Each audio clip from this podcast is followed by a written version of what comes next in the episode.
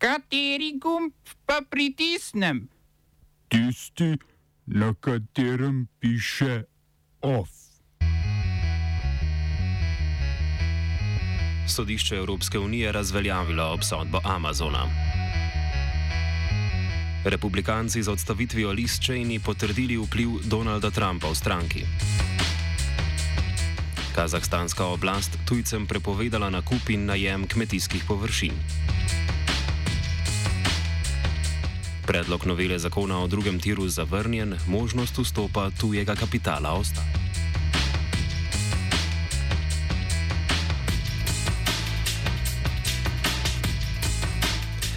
Sodišče Evropske unije je razveljavilo obsodbo ameriške multinacionalke Amazon iz leta 2017, ko jo je Evropska komisija obdolžila, da naj bi z Luksemburgom sklenila davčni sporazum in se okoristila z utajo v višini 250 milijonov evrov.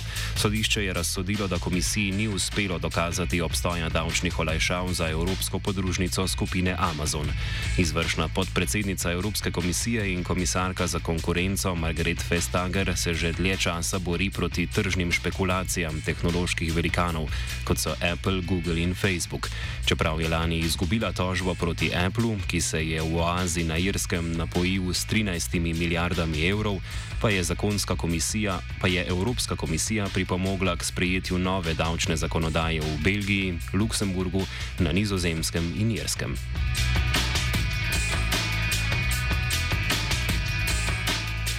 Ostajamo pri velikih korporacijah in njihovih pravnih zapletih. Italijanska agencija za varovanje konkurence je sporočila, da je Google izrekla globo v višini 102 milijona evrov, saj je podjetje izrabilo svoj prevladujoč vpliv na tržišču in onemogočilo prosto uporabo aplikacij.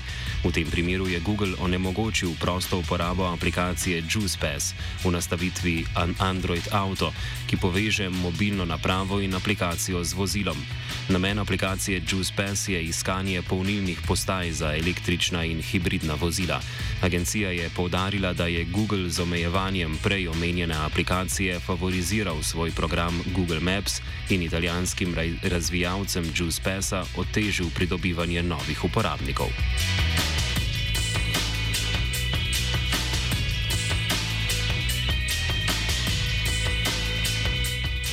Selimo se na Kaukaz. Pripadniki azerbajdžanskih oboroženih sil so zjutraj prestopili mejo z Armenijo in obkolili jezero Seulič, ki si ga državi delita. Po posredovanju armenskih enot so azerbajdžanski vojaki Armenijo zapustili. Za prestop državne meje naj bi bili krivi zemljevidi, na katerih je mejno območje slabo označeno. Verjetneje pa je, da gre za pritiske azerbajdžanskih oblasti, naj Armenija pohiti z izpolnjevanjem zavez, ki sta jih obe državi pod ruskim vodstvom sklenili ob koncu spopadov v Gorskem Karabahu. Armenija najbolj odlaša z vzpostavitvijo koridorja čez armensko ozemlje med Azerbajdžanom in enklavo Nakičevan, ki leži ob turški meji.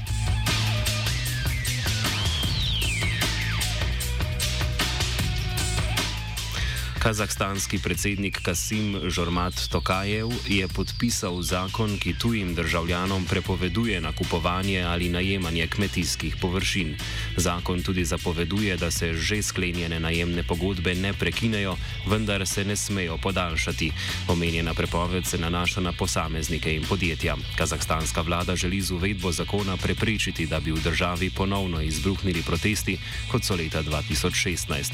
Takratna oblast je želela spremeniti spremeniti zakonodajo, tako da bi ta omogočila tudi 25-letne najeme kmetijskih površin tujim posameznikom in korporacijam, zaradi česar so v državi izbruhnili protesti. Oblast je zato spremembo zakonodaje umaknila in uvedla petletni moratorij na prodaje in najeme.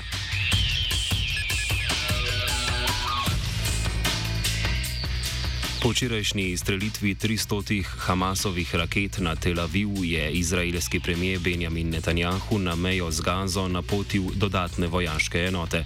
Tako skupno število izstreljenih raket iz Gaze na območje Izraela znaša 1300. Letalski napadi in izraelske rakete so v Gazi zadeli 600 ciljev, med katerimi pa so velikokrat tudi civilisti. Izrael je egiptovskim mirovnim posrednikom sporočil, da premirja oziroma prekinitve ognja z njihovim njegove strani ne bo vsaj do sobote. Do sedaj je bilo ubitih 83 palestincev, več kot 480 pa je ranjenih. Iz Izraela poročajo o sedmih smrtnih žrtvah.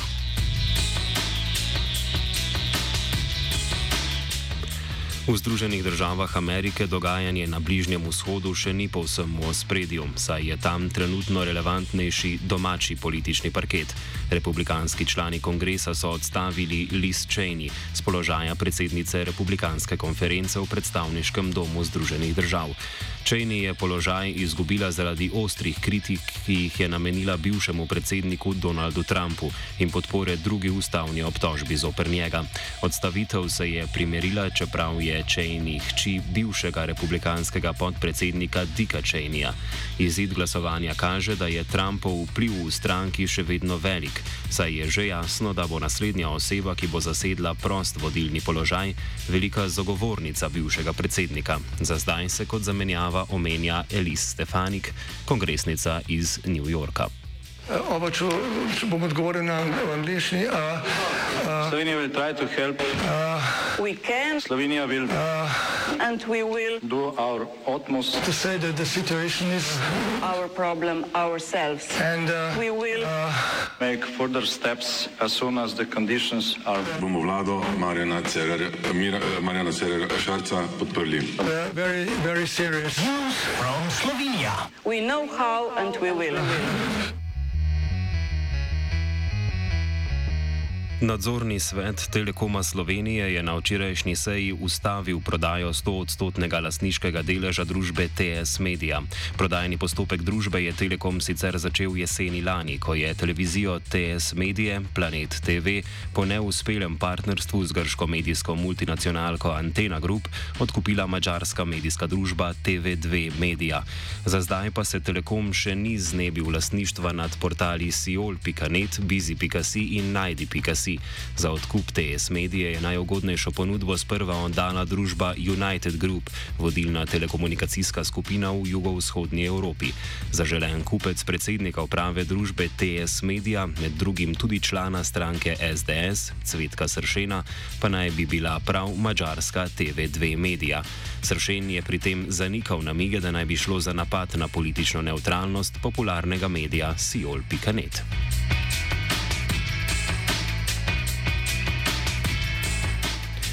Poslanci državnega zbora so s 43 glasovi za in 44 proti zavrnili predlog novele zakona o drugem tiru, ki so ga vložili poslanci iz vrst opozicijskih strank SD, LMŠ, Levica in SAP. Če bi bil predlog sprejet, bi poslanci iz zakona črtali določbo, ki omogoča vstop kapitala druge države v projekt drugega tira. Med obravnavo so opozicijski poslanci izpostavili predvsem Mačarsko, ki je bila v preteklosti že vključena v pogovor govore o tem, da bi finančno vstopila v projekt. Opozicija je tudi izraz, izrazila bojazen, da bi vstop tujega kapitala privedel do neenake obravnave, saj bi vloženi denar tujim državam ali podjetjem lahko omogočil boljše pogoje poslovanja. Vladna stran očitke zavrača, saj naj bi zakon podrobno določal pogoje, ki bi morebitnim družbenikom omogočili vstop v projekt.